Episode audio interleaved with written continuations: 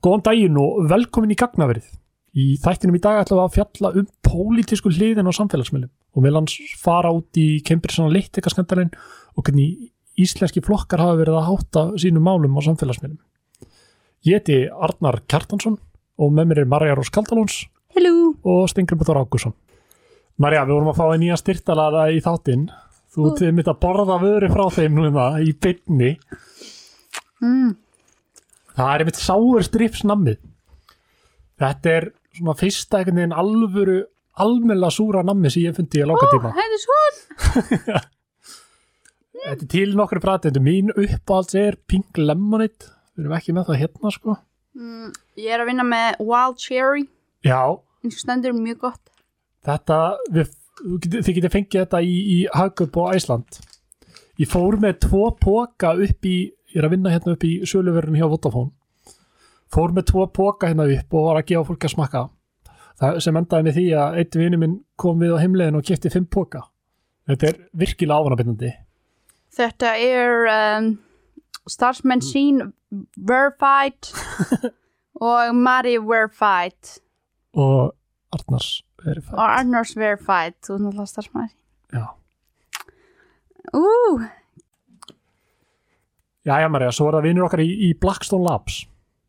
ú. Ég hef verið að vinna ógislega mikið með væperum frá þeim sem eru svona koffíndablur af því ég er ekkert mikill kaffekall og orkudrykkir eru mjög slæmi fyrir tennandar á manni Mm. svo nennir maður ekkert að vera sötur þetta yfir allan daginn sko mörgur sem á dag, miklu ódýra ég spara með fullt af pening með því að kaupa þetta bara Svo líka brennum maður stundum á sér tungana þegar maður er að drakka kaffi. já, sleppu því True. sleppu því en þetta er líka bara geggja gott eða ert mikið að æfa í rættinni ég spila mikið tölvuleiki þetta hjálpa mig þar sko. og þetta gjössalega bjargaði mér í skólanum. Bara fyrir prófin, þetta bara gjössalega kom mér í gennum prófin. Síðan er það ekki bara væpirinn. Svo er það hérna juiced up Marja, Já, Juiced Up er uh, vegan og er blanda af grænni ofur fæðu sem þú getur bara held honni vatn og drukkið. þannig að ég þarf ekki að halda fram að bara græmiti Það ekki að halda frá að borða græmindi, getur Yes. bara hætti. Varan er fulla næringarefnum, trefjum, steinefnum, andóksunarefnum og er góð á bragðið. það er fyrir öllu að því að græmiti er ekki gott á bræði svo er það hérna glykolog það er algjör snild fyrir mann sem borðar mikil kólvetni eins og ég ég er bara ég er pít, frosna pítsu eins og, eins og ég fengi borga fyrir það Ég líka. með þessu að þá beinir þetta kólvetnunum á réttan stað, kemur frekar í vöðvara þannig að nú getur þú verið að fá vöðva með því að borða frosna pítsu Marja Það er draumurinn minn. Þetta, er það ekki draumur okkar allra? Jú, ég held að. Cambridge Analytica var brest fyrirtæki sem syndi rannsóknarvinnu í pólitískun tilgangi. Vann fyrir vissa hliðar í kostningabartum. Frægasta kostningabarta sem þau unnu fyrir var, voru í fórsetakostningunum 2016 í bandaríkanum en þau unnu fyrir Trump. Einni rétt Ted Cruz þá fyrir primary baratuna en Cambridge Analytica hjálpa hann að vinna Iowa þráttur í lélegt gengi í könnunum. Fyrirtæki var stopnað að rannsakandanum Alexander Kogan og bretanum Alexander Cox en Kogan hannaði persónuleika próf sem hann notaði í rannsóknarskili fyrir Cambridge-skólan. Upprunlega var þessum prófum deilt til um 300.000 bandarinska ríkisborgara. Þáttakandi fengu greita 5 dollara fyrir að taka þátt. Cambridge Analytica notaði þessi persónuleika próf án leifis Cambridge skólans sem að deilt voru millir notenda á Facebook. Það sem fæstur vissu á þeim tíma er að prófin óskuðu eftir aðgangi að Facebook-reikningi notenda og ekki nómið það heldur veitti þetta líka samtiki að Facebook aðgangum vina þeirra. Upplýsingar sem að þau söfnuðu voru meðal annars likes, statusar, áhugamál og jáfnvel persónlega skilaboð millir notenda. Tali var að þeir hafi safnað upplýsingum um 87 miljón bandaríkjumanna eða um einn þriðja af bandarískum notendum forritsins. Safnað var svo kallum data points. Eitt datapoint um því getur verið að þú setji í sambandi, annað þú hefur áhuga á fótbolta. Cambridge Analytica var með um 5.000 datapoints um hvern og einn kjósanda í bandaríkunum. Þeir notuðu þessa persónu upplýsingar og niðurstöður úr persónleika prófum til þess að búa til persónleika módel sem þau notuðu til að targeta fólk sem var að þeirra sögn suggestible og agreeable með neikvæðum auðlýsingum um anstæðingana. Tilgangurinn með þessu var að hafa áhrif á kostningahegðum fólks með því að nýta sér sálræna veikleika þeirra. Þeir vissu að með þessum upplýsingum nákvæmlega hvað þyrst að koma fram til þess að hafa áhrif á þig. Cambridge Analytica og Facebook lendu í miklum vandræðum eftir fórsetakostningarnar. Facebook heldur því fram enn þann dag í dag að þetta hafi ekki brotið á skilmálum nýjölögum en viðkenna þó að þetta hafi verið brot á trausti nótinda forrætsins. Alexander Nix, framkvæmstjóri Cambridge Analytica, þurfti að fara fyrir breska þingið vegna ásakanum upplýsingarsöfnin á Facebook og laugað þeim þar að fyrirtæki semnaði engum upplýsingum um nótendur. Þegar máli komst í fjölmila var hann aftur kallaður fyrir fram á þingið og böði þeir honum að leiðrætta vittnisbursinn. Hann ákvað hins vegar að ítrekka sakleysi sitt sem og fyrirtækisins að þau hafi kvorki sapnað upplýsingum nýja gagnapunktum í gegnum Facebook. Kristoffer Væli, einn af starfsmönnum Cambridge Analytica, upplýsti síðar almenning um hvað hafi verið í gangi innan fyrirtækisins. Hann flutti meðal annars vittnisbörð fyrir breska þingið og hefur komið fram í fjöldamörgum sjónvars og útarsviðtölum. Fyrirtæki var að lókum lagt niður árið 2018. Árið 2019 kom heimildamindum skandalinn á Netflix The Great Hack og mælu við með að fólk horfa á hana ef það vil kynna sér málu betur eftir þáttin. Trump var alls ekki fyrstur til þess að nýta sér bakdýr á samfélagsmiðlum til þess að tryggja sér segur í fórsetakostningum Obama fór svipaða leið árið 2012 þó ekki jafn ólöglega. Hann byggði upp gagnagrunn um bandrækjumenn til þess að vita hvaða hópa hann ætti að targeta og hverja hann ætti að láta í friði. Munurinn á Cambridge Analytica og Obama-kampænunu er kannski helst að Obama notaði upplýsingar sem voru aðgengilegar öllum. Þar var ekki verið að nota faldar upplýsingar, datapunta og persónuleg skilabóð. Uh, hingað til okkar komin Marja Raut, velkomin. Takk fyrir það. Uh, getur þú sagt okkur hans frá þér? Uh, já, ég er algjör teknikúrú, 32 ára, vestfyrringur í húða hár, bísamt í Reykjavík og elskar líka Reykjavík og starfa í dag sem aðstofamaður formans viðreysnar, Þorgjara Katrinnar og hef svona í gegnum tíðina verið algjört svona ég er með svona bakteríu fyrir félagsmálum eins og kannski einhverjir kannast við að vera með sjálfur sko og hef verið mjög lengi svona þáttangandi í því var formaður stúdendurás einhver tíman fyrir svolítið mörgum árum uh, talskona druslökungunar og varaformaður samtakna 78 svo eitthvað sem nefnt. Þannig að ég hef svona lengi verið þáttangandi í kannski svona samfélagsumræðu og, og slíku og á auðvitað bönn og konu og, og allt þetta sko. Já, já, já. Það er ekki alltaf family first. Jú, svo varstu með hérna smá umfjöllin í krigum síðustu, nei, hérna, fórstakostningar í bandaríkjum. Já, ég hérna, það er svona eiginlega kviknað einhvern veginn á, á sófanum heima, ég og kona mín erum svolítið þannig að þegar við pyrrumst yfir einhverju þá óvart fyrir við og búum til einhver verkefni kringum það og gerum eitthvað í því og dæmum það er hérna, uh, fræðslu vettfangur sem er stofnum sem heitir hinseginleikin við vorum orðan svo pyrraðar á, á hérna, svona uh, staðalmyndum og, og skort á fyrirmyndum þannig við ákvæmum bara kíla á að bú til einhvern vettfangur fyrir það. En það er við, hérna, ég var einhvern mann á sunnudegi að pyrra mig yfir því hvað ég hefði miklar áhyggjur af svona pólariserandi umræðu uh, samfélagsmiðlum og hvernig þessar skotgrafir sem við erum komin í og bergmálshellar sem við búum í séu farin að hafa áhrif á bara líðræðis þáttöku og svona líðræðis vitund almennings. Og hérna og var bara, ég held einhverja eldræðu þannig að sundasmotni hvað ég var orðin á þessu, ég man ekki hvort ég hafi verið að horfa á silfrið eða hlusta á sprengisandi eða eitthvað, það var eitthvað sem kveikt þetta í aðdraðanda þessara kostninga þannig að að kona mín, hún hérna svona sagði bara við mig, ok, fyrst úr svona perioði yfir þessu, viltu ekki gera eitthvað í þessu? Og ég hérna ákvað þá að byrja með uh, svona fræðislu einhvers konar á Instagram sem heitir Pælum í pólitík og er svona bara helgað líðræðis þáttöku og svona megin skilabúðin eru bara að það sé svona líðræðislega skilda okkar í samfélagi sem eru opið og, og hérna líðræðislegt að svona vera upplýst, kynna okkur málefnin, taka ekki afstöðu út frá svona einhliða skilabúðum sem við erum mötuð af uh, á internetinu sérstaklega.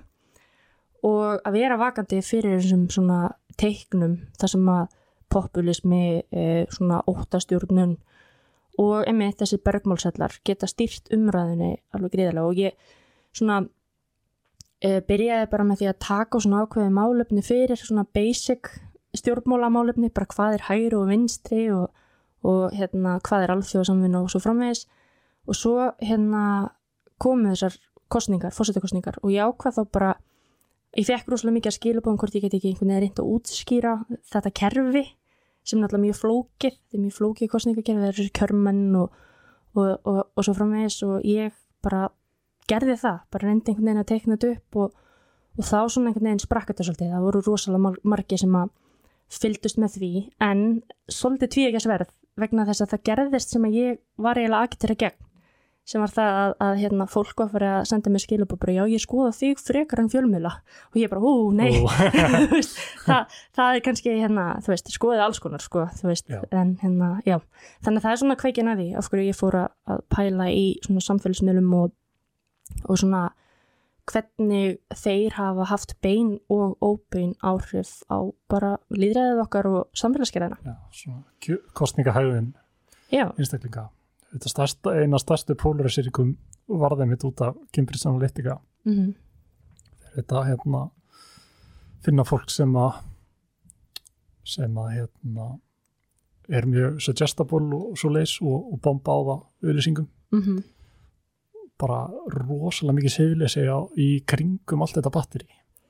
Já, sko þarna í kringum Brexit þarna áráðurinn og svona veist, það, þeim tókst einhvern veginn að finna nýja markkópa einhvern veginn með þessu og hérna og þetta hafiði bara beina áhrif á, á úslitin, þú veist, hvernig að því að veist, það, það eru tvær hliður á þessu, það er bæðið það sko hvernig þú matriðir einhver skilabóð uh, til ákveðins hóps. En svo líka hitt hvernig aðrir eru sko lattir eða þú veist það er svona þessi letjandi áhrif uh, sem við tala um svona voter suppression. Að með ákveðnum skilabúðum þá er líka sett út að hópur sem þú vilt ekki fara í kjósi að hann fari ekki, veist, til dæmis ungd fólk. Eða eins og í bandarækjunum hérna uh, fólk af, af hérna já, eða þú veist, að, það er alls konar minnilutahópur og fleiri sem að, þú veist, það er reynd einhvern veginn að koma vekk fyrir að þetta fólk mæti á kjörsta, sko. Já, ég hef heyrt... Með, með bara áróðri, sko. Ég líka heyrt eitthvað um það að það er oft sett, hafa verið sett alls konar lög eins og það þurfur að vera með vegabrif þegar þú fyrir að kjósa, mm -hmm. af því að tekjuláður hópar er ekki almennt að fara mikið út úr landi í bandaríkunum og eiga þessan ekki vegabrif. Svo það er einhvern veginn gerrymandering. Já, ummitt það, það, það er líka notað sko. Svona fyrir þá sem ekki vita hvað það er þá er fylgjum skipt upp í kjörðan í bandaríkunum og það er bara stjórnmála, stjórnmálamenn sem teikna upp þessi svæði hvar, hvar kosið er. Og þetta er á teiknað upp til þess að bara allir demokrater eða republikanar passi inn í ákveðin kassa og þá fá þau þann kjörmann ef ég mann þetta rétt mm. Ég þekkit ekki alveg nógu vel. Þú veist meiri sérfræðingur í þessu nýju Já, þetta er mjög En það er alls konar reynd sko til Já. þess að hafa áhrif og, og auðvitað ég menna þannig virka líka líðræðið sko. Þú veist það er í grunninn þessi hugmyndum að, að fólk geti svona með beinum áhrifum haft áhrif á það hvernig samfélagsgerðin er. Og þetta byrjar þú veist í aðþennu og sínum tíma þegar að, fólk mætis, mætir bara á torg og svo er bara debatað og, og hérna, meiri hlutin ræður veist, það eru þetta í grunnum mjög falleg hugmynd að, að við eigum þessi skoðanaskipti að við hérna, að það séu hugmyndir okkar um samfélagið og heiminn sem við tölum um síðan. Og svo er það, veist, á málstofunni til dæmis inn á Íslandi, þá er málstofun alþingi, þá þurfum við að, að horfast í aug við það ef það eru vankantar á, á málflutningnum og svo framvegs og, og fólki hefur hérna, aðkomu að málum að því að senda inn umsagnir og þannig verða mál til. Og og þetta er í grunninn held ég bara svona farsælasta leiðin eða allan að langlífasta. En hún er samt ekki gallalus og, og þetta sem að þú ræðir sko hérna hvernig er síðan hægt að manipuleita þessi skoðanaskipti þannig að þú sé ekki alveg á þessum upplýsta grunni.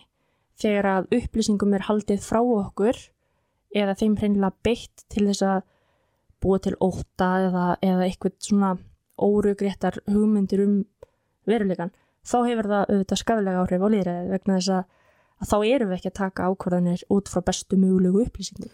Nei, það svolítið, lísti sér svolítið í, í þriðja orkupakka umræðinni. Mm -hmm. Það var bara átt að selja, framselja alla raforku í Íslands til Breitlands og við riðum yngu og allir myndi tappa pening og raforku verði myndi rjúka upp um ykkur 300% og sem síðan bara varð ekki. Jú, það hefur alveg raungerst. En, en það er með mjög gott dæmi líka þegar að, að sko, orkupakki þrjú, skilur þetta er, þetta er það flókið og það bara, mér fylgur að vera einhver dreip leðilegt að fæstir setja sér kannski alveg inn í þetta. Af því ég vinn á alþingi þá las ég þetta og hérna fór í gegnum að, að skoða raunverulega hvað var í gangi þarna. Uh, en þetta er rosalega auðvelt mál til að búa til einhvern óta skilur þau, þú veist, vilt þú borga meira fyrir ramagnið þitt? Vilt þú að við missum orkun okkur á landi? Þetta er svona einföld svona, hvað maður segja, svona výgirði eða eitthvað sem þú getur bara svolítið matritt aftur og aftur. Einfaldir áraður. Já, og allt í hennu er bara venjulegt fólk sem að, hérna, horfið bara fréttinnar, það er farið að vera bara býtið í þessu orkupaki eitthvað sem að ég hafa ágjör af. Og hérna, drópin hóla steinin, sko. Þannig, þannig virkar populismi bara yfir höfuð. Þú veist, populismi beinist mjög gegn bara einhverjum tiltöknum hópi. Við sjáum er gerist í ungverðalandi núna. Þú veist það er hérna ótrúlega mikil aðferða hinsegin fólki þar. Já. og þetta er bara svona klassískur populismi þar sem þú veluður einhvern óvinn gerist líka í Pólandi og hérna og svo bara byrjar áróðurinn. Og svo bara eftir því sem þú segir hlutinu oftar þá bara eru fleiri sem fara á einhvern veginn að, að heyra í þér og, og hérna og finnst þetta að vera málið sko. Kommunism í bandaríkunum. Já, já, þú veist, þetta er auðvitað bara við það, þú veist, það er hérna, en, en svona megin uppskriftin er að, þú veist, beita óta uh, og falsfréttum á einhverju leiti og, og manipulatu upplýsingar til þess að söðu lundiði síðan einhverjum völdum. Þegar það eru auðvitað endgemið. Þannig að það er það sem auðvitað gerist bæði hérna í Brexit og svo þegar að hérna, Donald Trump voru kjörinn að hérna að fólk var svolítið búið að mastera þetta sko, hvernig Já. þú getur uh, haft bein áhrif með samfélsmiðlum og með tækni, tækni bara almennt á þess að grunnstóð svona mannlegar tilveru sem að er líðræðið og, og hérna og það virkar sko. Þetta líka snýr svolítið líka að því að uh, Cambridge Analytica hafiði upplýsingar sem þeir átti ekki að hafa. Mm personlega samskipti fólks og, og bara alls konar. Og þetta er líka svona styrlasta sem mér fannst við þetta mál var að þegar fólk gaf leiði á Facebook-reikningi sinn var það sömulegðis að gefa leiði á Facebook-reikninga allra vinaðina mm -hmm. og ábyrgin liggur svolítið, glemur svolítið að hún liggur svolítið líka hjá Facebook já, já. þeir leiði þetta já, já, þeir, þeir gerðu það sko þeir haldaði enda fram í dag að þeir hafi ekki gert nýtt ránt en þeim hafi þótt rosalega lett að fólk hafi vorið múkað. Já, en samt miða við sko hvaða aðgerðir Facebook hefur farið í til þess að sportna við þessu, það lítur nú að segja eitthvað til um að þeir hafi verið með smásamu sko betur sko. Já. Þetta er orðið mun þrengra núna uh, og hérna til þess að stýra pólitískri síðu þarf þetta að upplúta personugögnum og hérna, þú veist, skannin vegabrefið eitt og gangast undir ákveðna, svona, ákveðna skoðun og þannig að þú veist og þú mátt þá bara auglýsa innan þess land sem að þú tilherir þannig að þú veist það er búið að gera það fyrir eitthvað allavega en hvort sem að verður síðan bara fundin einhver önnu leið þú veist það er ef einhver annar miðl tekur við eða hvernig sem það er það er þetta ég er ekki að segja að það sé búið að gera það fyrir þetta 100% en það er greinilega búið að bregðast við einhverju leiti og þrengja í raun og veru mjög að stjórnmálaflokkum til þess að, hérna, auglýsa og, og komast svona komast að. Það er einn svona íslensk áróður síða. Hétt kostningar 2016 eða eitthvað uppalega heitir bara kostningar í dag. Mm þekkir það síðu, já, já, hún er rosaleg. Það er bara mikið af, af svona buzzwords og einföldum með svona populisma myndböndum mm. sem að ná rosalega veldi fólk, þeir eru að fá rosalega gott engagement. En Já. það veit enginn hver er á bak við þessa síðu. Nei, það hefur aldrei komið í ljós og, og þetta auðvitað hefur skoðanamyndandi áhrif um, og, og mér finnst svona þú veist, eitt að, eitt að svona andlýðræðislegasta í mínum huga er þú heldur fram áróðri í nafnlind. Þú veist, þú ætti að við eigum að tjáð skoðanur okkar á opnum torgum, þú veist, og, og við eigum að verða tjáningafrelsi fólks og, og hérna, við eigum að þóra að taka erfiðar umræður, þú veist, ég er líka pínu svona hugsi yfir, sko, internetinu, sko, almennt bara, þú veist, mitt internet er ekkert það sama og þitt, sko. Nei. og maður hefur séð það svolítið mikið eins og núna í tengslu við COVID og, og svona áróður í kringum það. Um, ég og alveg, þú veist, það er alveg fólk á mínu Facebooki sem er alveg bara alls ekki á sama internetu ég sko og þú veist, það er einna hræðsláraður kakvart bólusetningum og hræðsláraður yfir þetta sé allt bara eitthvað eitthvað gerfi og Bill Gates er að græða, græða á þessu og, og svo framvegis og það er bara, þú veist, þú kannski byrjar að, að klikka á þetta og svo bara allt í einu ertu komin inn í eitthvað dark web sko Já. og það ertu komin inn í bara einhvern nýja veruleika og finnst kannski bara svona eins og allir sé að tala um þetta eða, eða allt fólki í kringum þig sé eins og þú, þú veist en, en á endanum ertu bara inn í einhverjum bergmálselli sko. Já, svona pælingar og svoleiðis fá rosalega mikið meðbyr eins og hérna bara eina af þeim styrl, ég ætla ekki að trúa í QAnon. Já, einmitt, það er, ég var að reyna að muna hvað ég hétt sko, Já, einmitt. það var snýri eitthvað því ég þekki ekki alveg nóg vel að Hillary Clinton og einhverju fleiri væri einhverjum barnanýðingar Já, taka blóð, valdarhring. var ekki eitthvað svona blóðtaka og eitthvað, þetta var eitthvað Já, það var alls konar sem er komið upp og það Já. er bara rosalega mikið af, venjulegum bandaríkjamunum sem að trúa þessu. mm Það er, ég bara ég var alveg aktúa. -hmm. Ég sá þetta fyrst og það var eitthvað að vera að tala um þetta á CNN held ég að hafi séð þetta fyrst í kringum uh, kostningarnar 2016. Mm Ég hugsaði nei, það getur ekki nokkur lifandi maður trúa þessu um einhverjir alpapirs hattakallar. Nei, en svo bara, um eitt, þetta virkar og hérna, og þegar að, að sko, þegar gaggrín, gaggrínin hugsun einhvern veginn, sko hverfi frá, af því ég meina ég er líka seg um það, ég les rosa mikið bara fyrirsagnir, þú veist en að maður hefur ekkert, þú veist á svona venjulegum degi áreiti sem er ámanni, það er rosalegt uh, hvort sem það er bara vefmiðlum eða samfélagsmiðlum. Uh, maður á að vera online allan daginn þú veist og, og hérna maður svarar ekki strax þá er maður bara með eilifar samvinsku byttu og eitthvað Þa, það gerir það líka verkum að þú veist maður fakttjakkar ekkert endilega alltaf allt. Og svo er oft bara ein skoðun sett fram og hérna og fulleringar í fyrirsögnum sem eru líka skoðanamyndandi. Og þú veist því meður eru kannski bara einhver ákveðin hluti hópsin sem að actually smellir á les greinina og hugsa síðan byttu, er þetta alveg svona? Þú veist, það ég, ég er náttúrulega vil ekkit fullir það hérna en, en þú veist, bara svona miðum við eigin hegðun og, og margar annar, þetta er bara svona tíma spursmál, skilur, þetta er bara spurningum hvað þú getur tekið mikið af upplýsingum inn í einu, sko. En varðandi, sko, þessar íslensku síður, sko um, þá erum við líka bara svo lítið samfélag að ég held einhvern veginn að við séum ekstra næm fyrir fyrir uh, svona áráðri uh, vegna þess að hann er svo fljótur að verða bara væral og þá bara vita allir hvað er í gangi.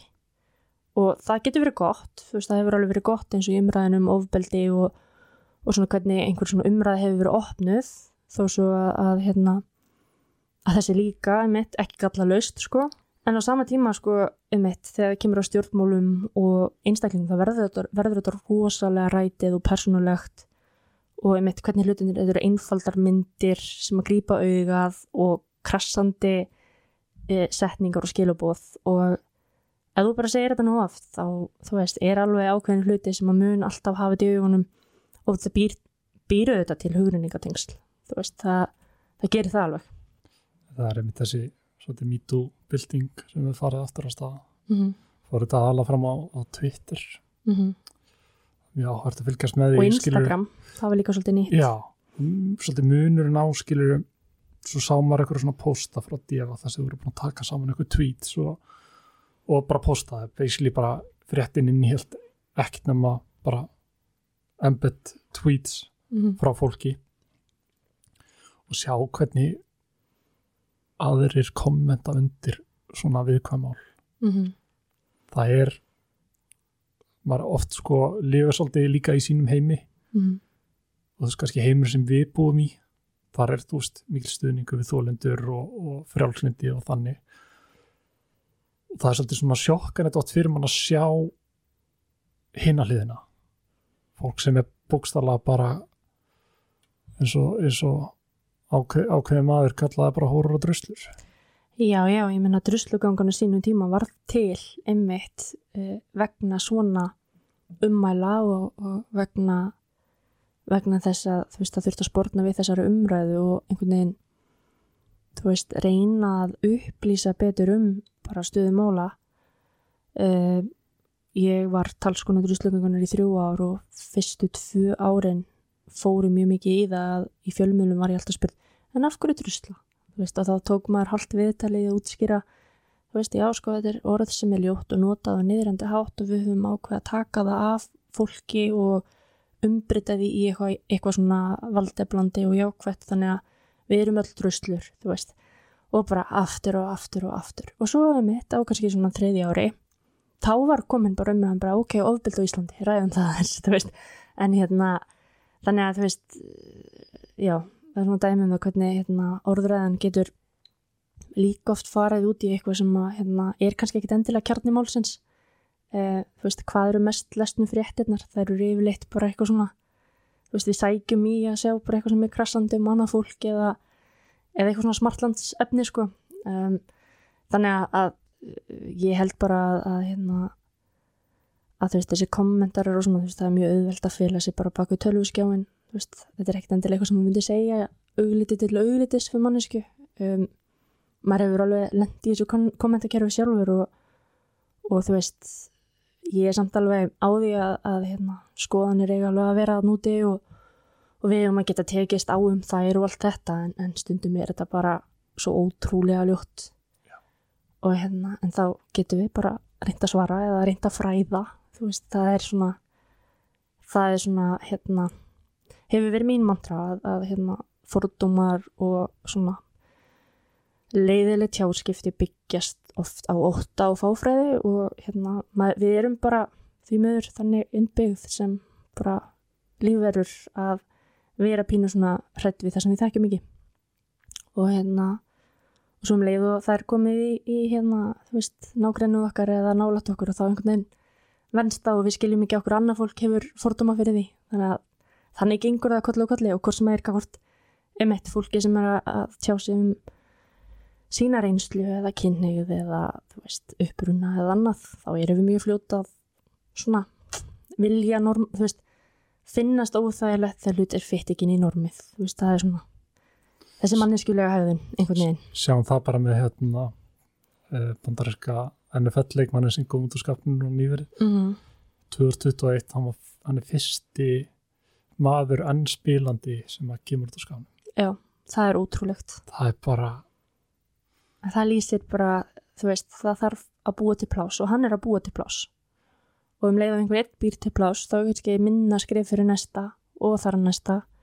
Og svo kannski eftir hérna einhver ár, ár og tíu finnst okkur bara skrítið að þetta hafa einhvern veginn verið eitthvað þing sko. Þú veist, það er bara, já líka kannski fyrir okkar sem Íslendinga, okkur finnst skrít þetta sé eitthvað þing, já en ég menna eru margir íþróttamenn út úr skapnum á Íslandi? ég þekki það ekki. Nei, ég svo sem þekkið ekki en, en það hefur verið svona einhver umræða um það að það sé svona allavega í stráka heiminum sko, svona meira tabú. En við erum komin alveg off topic eða ekki? Jú, Jú, mjög. Hann að nú, er, nú er það þannig að þú veist, áróður og, og þú veist aðilar sem er einhvern veginn að reyna að skapa ótta og reyna að beita fólki í ákveðna átt þegar kemur að kostningum og stjórnmálum og bara svona almennum skoðunum. Veist, það hefur náttúrulega alltaf verið til. Mm -hmm. áraðu myndir Disney eru, eru skemmtilegt dæmi um, um eða kannski ekki skemmtilegt. Um svona fortsögulegan áraður og þá kannski spurning, þú veist, hvað hefur breyst mest við þetta eftir tilkomi samfélagsmiðla? Mm, ég held bara að þetta er hraðari leið til að hafa áhrif um, og svona dýnamiskari og svona þessi snjóbolt áhrif þú veist, hérna, snjóboltin er mjög fljótur að fara á stað og, og hérna verða að reysa hnullungi sko, þannig að ég held að sé aðalega bara, þú veist, þetta er auðvitað líka bara búið að opna heiminn, við höfum alveg séð svona hérna ákveðin skil og þú veist, þau eru mjög fljótað að hérna ferðast yfir allansafið og, og svo bara til Asju og whatever sko, þú veist, þetta er bara þú veist, eitthvað sem kannski tók einhver ár áður eða ára tugi sko, bara getur gerst á klukkutíma sko. Eins og þarna konan sem að týsti eitthvað, ég man ekki alveg hvað það var sem hún týsti, hún var að leiðin í flug. Mm -hmm. mun eftir þessu. Já. hérna, hvað var það aftur sem hún sagði, hún sagði eitthvað Ekki. það var eitthvað svona hriðiverka, þetta var eitthvað svona ótrúlega lélegt hérna, Eitthvað, þetta var eitthvað um AIDS og Afrikuböld. Já, já, var það ekki, já, hún Svona lélur AIDS brandari. Já, hún var eitthvað að fljúa frá Evrópu til Afríku og fyrir eitthvað um nýju tíma, tíu tíma flug, Mm -hmm. setur eitthvað út og svo bara hérna, þegar hún er lent þá er hún bara cancelled. Mhm. Þannig að, hérna, þetta gerist mjög hratt og hérna, þannig að ég held að veist, það sé svona, svona eiginlegi munur, eða svona mín tilfinning allavega, ég veit það ekki sko. Hvernig eru stjórnmáluflokkar á Íslandi helst að nýta sér þetta plattform? Mm, ég held að sé tvíþætt, ég held að sé tvíþætt, uh, annars vegar er þetta ótrúlega hérna, fínt að halda utanum bara svona innrastarf flokka, þú veist það er hægt að vera með uh, ólíka hópa, umræðu hópa og, og svo framvegis og bara svona auðvöld tjáskipti þannig gagvart hlutum sem þóla bara dagspyrtuna sko, veist það er hérna það er svona bara, já, halda utanum starf og svo framvegis. En svo hins vegar er þetta auðvitað líka leið til þess að ná til kjósenda og, og koma uh, málefnum flokkana bara til almennings með einföldum hætti.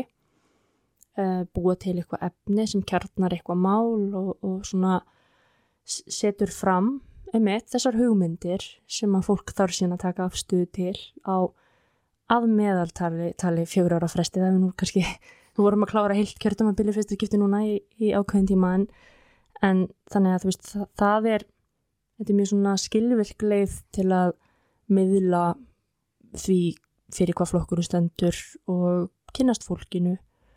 Uh, þú getur verið á persónulegum nótum og, og svo framvegist þannig að að ég held að flesti flokka nýti það á þann hátt og svo þetta getur auglýst líka sko Mm. þannig að það er svona og það hefur líka alveg verið hérna að einhverju leiti gaggrínt, þú veist eh, ákveðinu flokkar auðlýsa mjög mikið á samfélagsmiðlum og, og svona í, í tengslum umræðanum bara stuði fjölmiðla á Íslandi og annað þá hefur þetta verið mjög svona gaggrínt, þú veist að, að stjórnmálaflokkar er að setja fullt af peningum í erlend stórfyrirtæki en ekki, þú veist, að styrkja fjölmiðlana hérna heima ég held að þurfum bara að gera bæði Já, það sem virkar, virkar. Já, ég minna, svo er þetta bara með markaðurinn, sko, þú veist, hvað nær til fólks og hvað kostar það mikið og, og stjórnmálaflokkarnir eru þetta bara mjög misvelstattir fjárhúslega og eru, þú veist, þetta er ekkert jafn leikur hvað það var þar. Þannig að, já, en svona í grunninn þá held ég að, að hérna, að stjórnmálaflokkarnir nota þetta bara til þess að koma skilabóðum áleiðis. Líka kannski kosturinn við samfélagsmiðla yfir aðra markasetningu er að þú hefur svolítið tangible upplýsingar um hvernig þetta virkaði. Mm. Þú veist hvað margir klikkuðu á fréttina þina, hvað margir horfðu á vídeoið þitt, hvað þú náðu til margra. Þú borga bara út frá árangri í staðan fyrir bara eitthvað eitt fast verð og þú veist ekkert hvernig það gengur sko. Já, þetta er minna svona eins og talaður um í markasfræðinu svona spray and pray, þar sem þú sprayjar bara peningum út um allt og vonast til þess að fá eitthvað þú getur alveg hérna svona reynd allavega að sjá hvað virkar fyrir þinn hóp. Og þú veist það sem virkar fyrir eitt stjórnmálaflokk virkar ekkert endilega fyrir annan af því að markhóparnir eru ólíkir sko, þú veist þannig að, að ég held að sé líka með spurningum að, að þú veist, eins og þú segir að e, nýta þetta til þess að koma þessum upplýsingum áleiðis. Og það eru þetta þú veist, í líðræðsamfélagi getur það ekki verið slæmt sko, af því að svo hefur fólk tækifæri til að kommenta og spyrja spurninga senda skilabóð uh, vera brjáluð, þú veist, og allt þetta. Og það er bara hlut af þessu. Svo spurning sko hvort við vera svona einstakar stjórnmálamanna á samfélagsmiðlum sé af hinnu góða eða, eða, af hinnu slæma. Ég hugsa 16 ára krakkar hefðu ekki vitað hver dómsmálar á þeirra væri fyrir 15 árum en þau vitað öll í dag að því að hún er með hvað er marga followers á Instagram? 20.000 Það er allavega Gæðið marga. Svolítið mikið sko.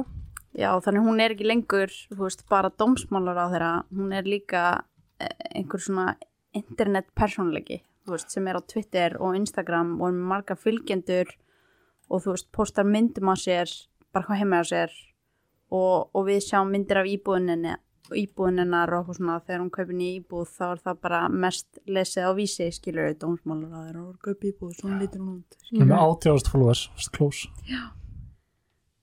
Myndur þið segja að það væri af hennu slæma? Eða? Þú veist, ég veit það ekki. Um, það eru auðvitað að presentera ákveðna ímynd með þessum hætti og ég held að sé, veist, það er svolítið valkvætt hvað þú setur síðan þangað inn og hvað þú setur ekki þangað inn út frá, veist, einmitt, hverju sem markkópur er. Uh, þannig að, veist, hver og einn auðvitað bara notar sinn miðel og sinn hátt. En en svo er spurning sko, er þetta hagnýta upplýsingar sem þú færð þaðan? Veist, það eru þetta, persónumendalög og, og fleira. Og þú veist, þú getur gert á Instagram svona alls konar spurningar og þú sér þá hvað fólk svarar. Og þú getur alveg búið til fylgjanda hóp út frá því það er eitthvað svona einhver svona frumskóður sem ég held að sé ekki alveg búið að skoða sko. Um, og ég veit ekki hvernig dómsmálar á þeirra er að nota þetta sko en, en við höfum stundum talað um þú veist, það er svona Instagram ráð þeirra og svo er mm -hmm ráðherran sem að höfða til bakland sjálfstæðisflokksins og það er svona stundum tvær ólíkar mannskjur sko. En, en hérna þannig að það er svona, einmitt, það þarf þá allan að vera mjög honest sko, hvernig það er gert, finnst mér. Mm. uh, en ég minna þú veist, fólk fylgir af því að það hefur áhuga.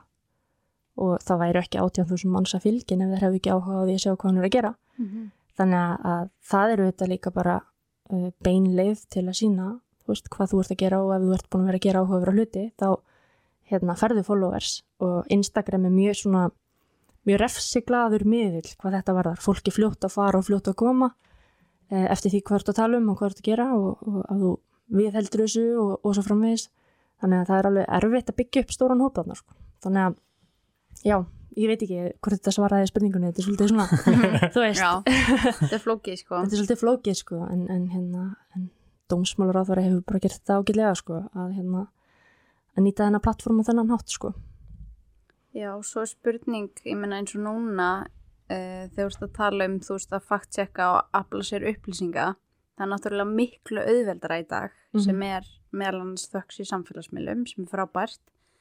En svo er líka held ég bara að verða erfiðara að fact-checka yfir höfuð. Mm -hmm það er erfiðar að átta sig á hvenar maður er að lesa eitthvað sem er staðrind og hvenar maður er að lesa eitthvað sem er það bara alls ekki.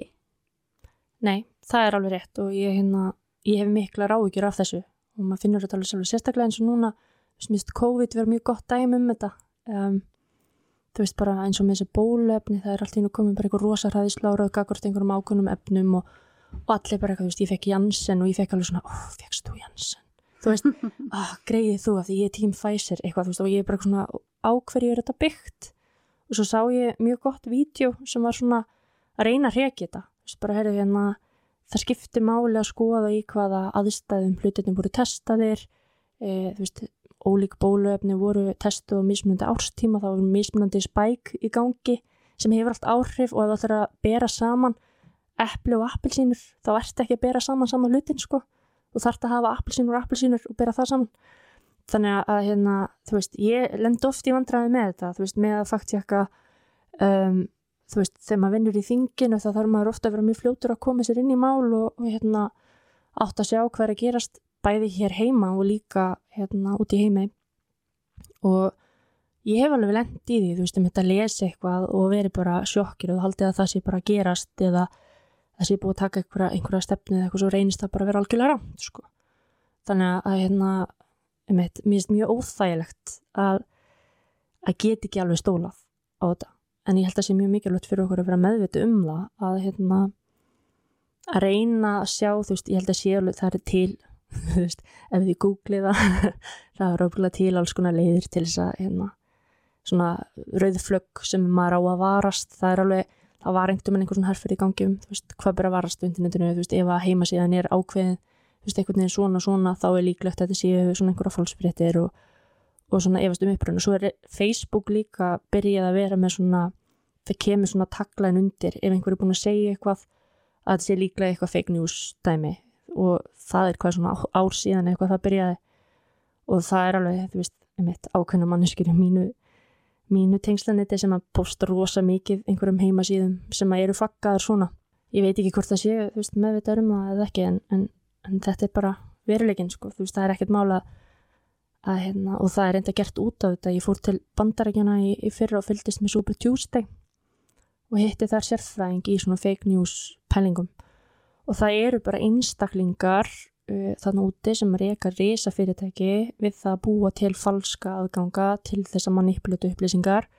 Og þeir fá grittar alveg gríðarlegar upp að þið bæði frá persónulegum frambjóðundum eða flokkum fyrir að viðhalda einhverju nóisi, þú veist, Hillary Clinton er mjög gott dæmi um hvernig það virkaði, sko, þú veist, að, að hérna, að bara rúsneski botnar Já, já, ekki bara, líka bara fólk sem að, þú veist, hagnýtir þetta í fjárhúslegum tilgangi og er gott í þessu og þetta stýrir umræðum, sko, þetta, og búa til einhver svona grúpur þar sem að hlutinir einhvern veginn fara einhvern veginn á stað, þannig að það er margt sem ber að varast á internetinu, krakka mínir. Hvað var hérna, það var nú tengt Donald Trump lengi vel á, á sínu kjörtímanbili sem fórseti við Rúsland. Mm -hmm. Að hverju snýru þau tengsl? Um, það var, sko, ég er ekki sérfræðingur í þessu en, en í grunninn í raun var það það að rússar hefðu hagnýtt ákunnur upplýsingar til þess sem mitt að letja fólk til þess að fara að kjósa Hillary og svona hjálpa honum að ná þessum árangri. Og svo voru þarna uh, tengslinn við þegar þarna Comey fór að rannsækja þetta hjá FBI að þú veist þeir voru komnir á einhverja slóðir þar og þá voru þarna ráðamenn sem voru nánir ágjafar Trump sem voru virkuðu mjög segir allavega um, eftir og ekki þar sem að það veriðist hafa verið þannig að, að svona um eitt einhverju rúsneski botar, einhverju svona spjallsýður einhverju svona einhver tækni sem ég skil ekki um, virkað á þann hátt að, að hafa mjög mikil áhrif á þessar kostningar sko og gerði það verkum að Donald Trump vann þannig að hvort að það sé 100% orsöku aflegging, ég veit það ekki en, en, þetta hefur einhvern veginn aldrei fengið að vera alveg á svona yfirborðinu sko Nei, við erum bara upp svona smá scenario segja það að þegar Cambridge Analytica hefði starfað og einhver íslensku ráðmaður frá einhverjum flokk hefði leitað til þeirra hefði þetta virkað á Íslandi? Hverju ekki?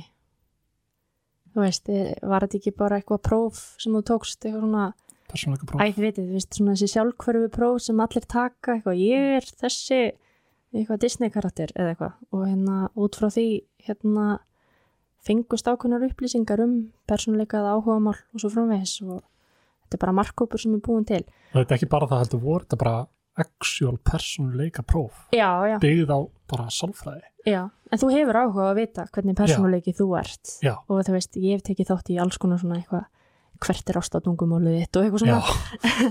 En, en hérna, þú veist í grunninn er þetta gert til þess að sapna á gögnum og ég man ég horfið einhvern veginn á uh, það leikin mynd uh, sem að hann hérna nú get ég ekki búið fram nafni Benjamin Cumberbatch nei hvað er hann? Benedict Cumberbatch. Benedict Cumberbatch leikur. Og hérna og hún var einhvern veginn, hún var einhvern veginn henni sarpinum og þú veist var mjög góð mynd uh, sem fjallar um svona aðdraðandana Brexit. Og það sem að hérna þau náðu að gera með þessu var að finna bara eitthvað fólk sem að því þú veist í Breitlandi þá er svona hefðin að banka á dyrnar þú veist og og fara hérna, þú veist, heim til fólks og tala við það, þú veist, við Íslandingar eru móð miklu introverta til þess að þessa kostningaferð, þú veist, að, að hérna, sumir gera það að banka upp á en, en þetta er rosa mikil hefð, þú veist, í Breitlandi og þú veist, í bíómyndinu svona sena þar sem að þau eru búin að finna einhvern smábæ og þau banka hjá viðkomandi og fólki segir bara að það hefur engin banka hjá okkur í einhverju 20 ár. Veist, þetta er bara fólk sem að finnst að hafa verið orðið útundan í samfélaginu uh, finnst að hafa verið hlunfarið af einhverjum lífskeifum orðið eftir útlendingandi komnir til að taka störfin uh, og, og samfélagið hefur einhvern veginn breyst og þau náðu sérstaklega til þessu hóps svona fólki sem hafði ekki verið séð mjög lengi og það er auðvitað bara mjög sálfræðilegt þegar einhver banka síðan loksið sér þér þú veist, þá ertu alveg til í að hlusta sko. og þetta er svolítið sama og Donald Trump gerði sko. hann, hann náði að höfða til ákveðins hóps um, sem að emitt upplifu sem tilfinningar og ég held að, að það sem er mikilvægt fyrir okkur að gera ekki lítið úr þeim sko. Þú veist, þetta er uh, það, það er koma einhver staðið frá og svo eru stjórnmálumenn sem að kunna að spilin á það það er mitt komin eitt líka fram í The Great Hack mm. myndinni að Drain the Swamp buzzwordin hjá Trump þau komu núnast öll frá þeim Já. þeir voru bara búin að gera eitthvað könnun hvað þetta fólk sem var suggestible vildi og hann, það er mér að segja hann var ykkur svona hérna hvað heitir ykkur svona campaign tólki tala fyrir frá fullt af fólki Mm. það sem hann ekki viðkenni það hann bara, mér langa ekkert að segja þetta Nei, en það bara það, virkaði. mér, mér var sagt að segja þetta og, og svo sagði ég þetta bara fyrir fram fullt af fólki og það bara virkaði, það var allir brjálaðir yfir því, mm. það bara fögnuðu og þannig að ég held þessu bara áfram. Einmitt. Það bara, wow, og fullt af fólki sem hafi ekki fyrir að kjósa mjög lengi mætti að kjörsta sko. þannig að þú veist, á endanum virka líðræði þannig að meiri hlutin ræður. Og, hérna, og þeir flokkar mynda ríkistjórnir sem eru með góðan árangur á bakvið sig þannig að, á endanum er þetta bara kapplup um það hverjir fá flest atkvæði. Ég verði til í að búa í heimi þar sem að, að, hérna, að hlutinir eru svolítið upp á borðum sko. Mm, og þú veist ekki það sem að fólk er ekki manipulitað til þess að taka afstöðu. Ég, ég er einharður stuðningsmaður þess að fólk myndi sér bara skoðanir á eigin forsöndum og finnist það sem að uh, lætur þeirra hjarta slá og þó svo ég geti verið ósamálaði þá er það allan að líðræðislega ákvörðun sko, þú veist að því að mér veist sko ég er sjálf bara dæmi, ég meina við eigum flest öll svona, hvernig voru þetta? Um, það er mjög algengt að maður kjósi bara það sem að fjölskyldan hefur verið að kjósa eða þú veist maður er einhvern veginn inn í því mengi og ég var þar, ég kemur mjög mjög pólitískri fjölskyldu og ég hérna ákvað 2017 að bara skoða alla möguleika og skoða alla flokka og enda á því að finna, finna minn flokk uh, og ég held að það sé einhvern veginn heilbreyðari leið en að vera bara í blindni einhvern veginn að velja. Af því að víst, við erum öll með ólíka áherslur og þarfir og flokkarnir svara þeim á mismunandi hátt. Ég held að sé gott fólk í öllum flokkum og, og hérna og við vinnum best þegar við náum einhvern veginn saman sko. En, en mér finnst samt mjög mikilvægt að við séum með þetta val þú veist það séu alveg nokkri valkostir í bóði þú veist eins og í bandreikim, þú ert með tvo valkosti uh, þú ert með demokrata og republikuna þú veist, ég veit ekki hvort að það sé endilega betra sko. líka svolítið stóra spurningin í kringum þessar 2016 kostningar út af þessu Cambridge Analytica-máli mm. hafði fólk ekki val um það sem það kaus Nei, það er síðan stóra spurningin sko. þú veist, var verið að taka the free will að frálst val frá fólki með þessu mm. með því að mata ofin að það röngum upplýsingum bara trekk, trekk í trekk á öllu samfélagsmiðlum einu svo sást. Er þetta ekki bara heila þáttur? Jú, og bara andlýðræðislegt. Þú ert ekki mitt að taka upplýst ákvörðun svona. Þannig að kannski er bara gamla leiðin að fara á kostningamiðstöðar og fá þér klein og kaffi best sko. Að hérna fá bara einhvern veginn tilfinningu fyrir fólki og taka hringin sko. Kannski er það einhvern veginn áræðilegra en að sjá bara það sem er matrétt af þér á internetinu. Ég meina, eru þið ekki alveg þannig ég meina, ég sé bara ákvæmna stjórnmálaflokk á internetinu suma sé ég aldrei, svo sé ég fréttum að þeir auglýsi mest í fjölumönum ég er bara ekki inn í markofnum þeirra sko. kom út eitthvað frétt um daginn þar sem að kom fram hvað flokkar eittu mest Já. og það var ef ég mann rétt flokkur fólksins Já. sem var á toppnum, er það ekki rétt hjá mér? ég held að það hafi verið flokkur fólksins og samfélkingin sem voru Já. í topp tveimur og ég sé alveg töluvert frá öðrum, ekki hinn Já. ég bara sé Ég hef ekki mikið aldrei fengið auðlýsingu frá stjórnmálaflokki inn á fýtið mitt. En ertu mikið að skoða stjórnmálaflokka? Nei. Nei, þannig að ég held, það er ábyggilega, þú veist, það fyrir eftir hvað þú ert að skoða og hvað þú, eitthvað, Þau ég veit vita ekki. bara að ég er kommunisti. Nei, mikið sens í þessa. Látum þess að vera. Já, aldrei að að skipta um En skoðun núna þessi varst að segja þetta upp átt, þannig að það eru líkur á því að núna verði hérna njúsfitið fullt af uh, stjórnmálauðsingum. Það verður áhverjum að heyra, Já, hvort það byrjaði núna. Þakka okkur, kemur ljós. Ég ætla að targeta þið sérstaklega. getur þakka okkur Maríur út fyrir það en mér langar svolítið að fara út í uh, fórsetakostningar í bandaríkinu 2008 og 2012 Mm. Obama kostningarnar þar sem hann vann báðar kostningar hann svolítið svona byrjaði með þessa miklu nótkun á samfélagsmiðlum Um eitt. Þetta er á sama tíma og Facebook er að verða svona allavega hér á Íslandi var náttúrulega orðið að miklu fyrir bandaríkjunum en þetta var svona orðið að einhverju, sko. mjög mikið, eitt, eitt fun factin inn í þetta það var sama kona sem sá um samfélagsmiðluna fyrir Obama 2008-2012 og fyrir Trump 2016 Já, það. Brittany Kaiser, Ég vissi þetta ekki. hún vann líka fyrir Cambridge Analytica Já, um eitt. hún var social media direktorinn hjá Cambridge Analytica Þannig að hún kann sitt fag. Já að hún var líka einn af, ein af þeim sem að opinberuðu hvað hafi gerst hjá Cambridge Analytica.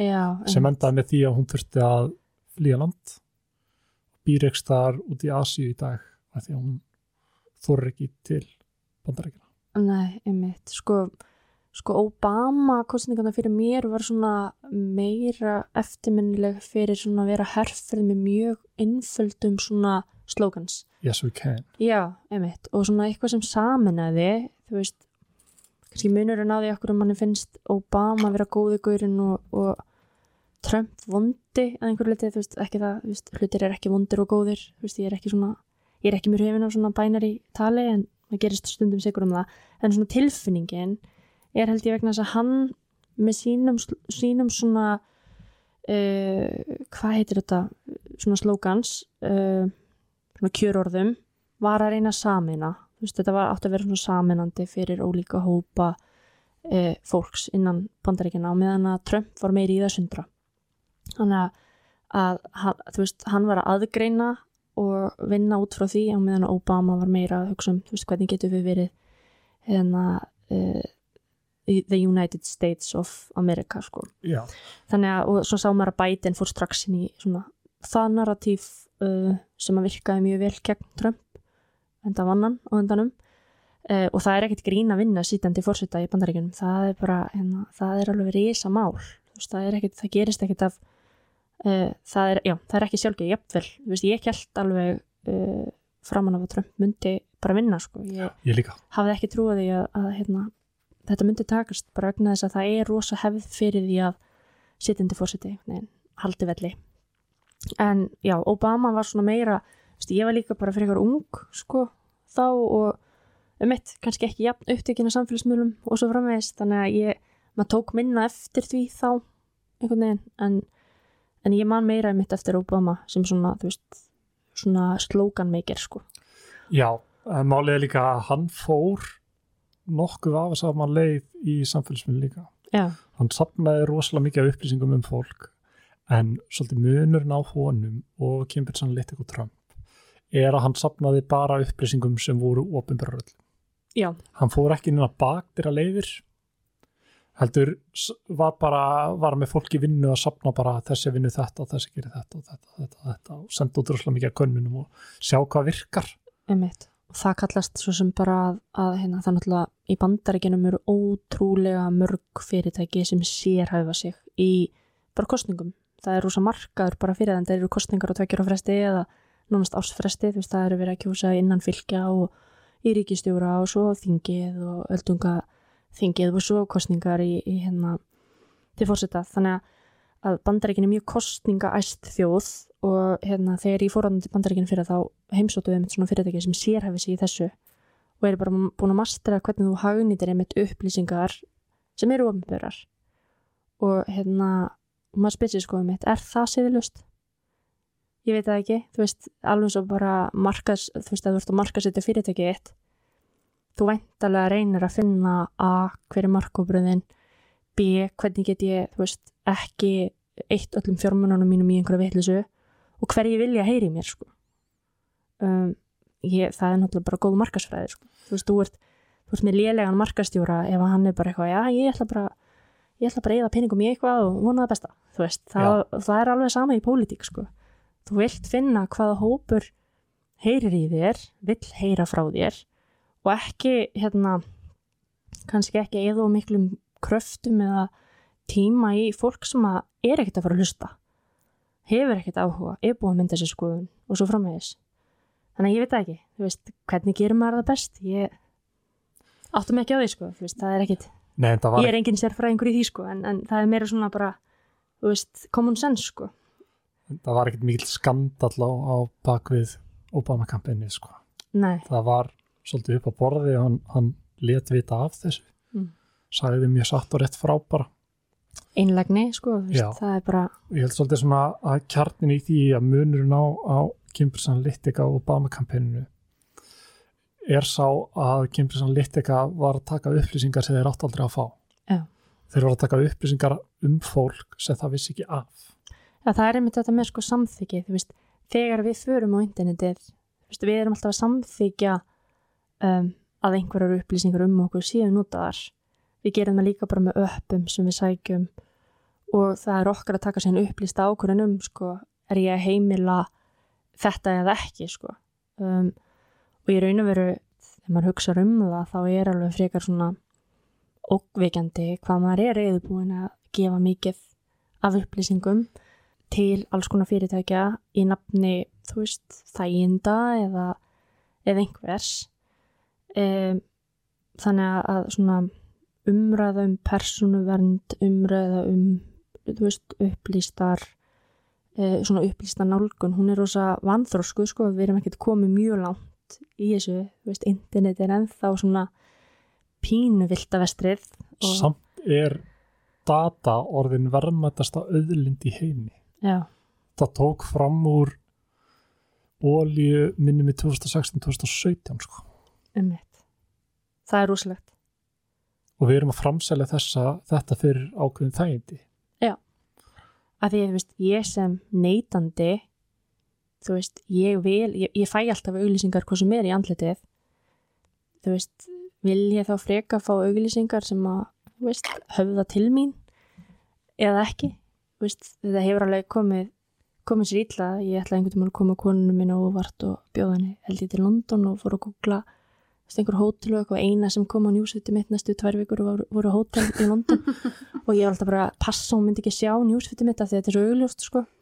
Þannig að þetta eru kostur og kallar en hérna en það eru þetta það sem þau selja manni þú veist að það sé verið að gera hlutina einhvern veginn þægilegri einfaldri en það ásýr allt skuggalhiðar og það var einhverja heimildamind sem kom hvað hétt hún aftur hérna, social network, nei.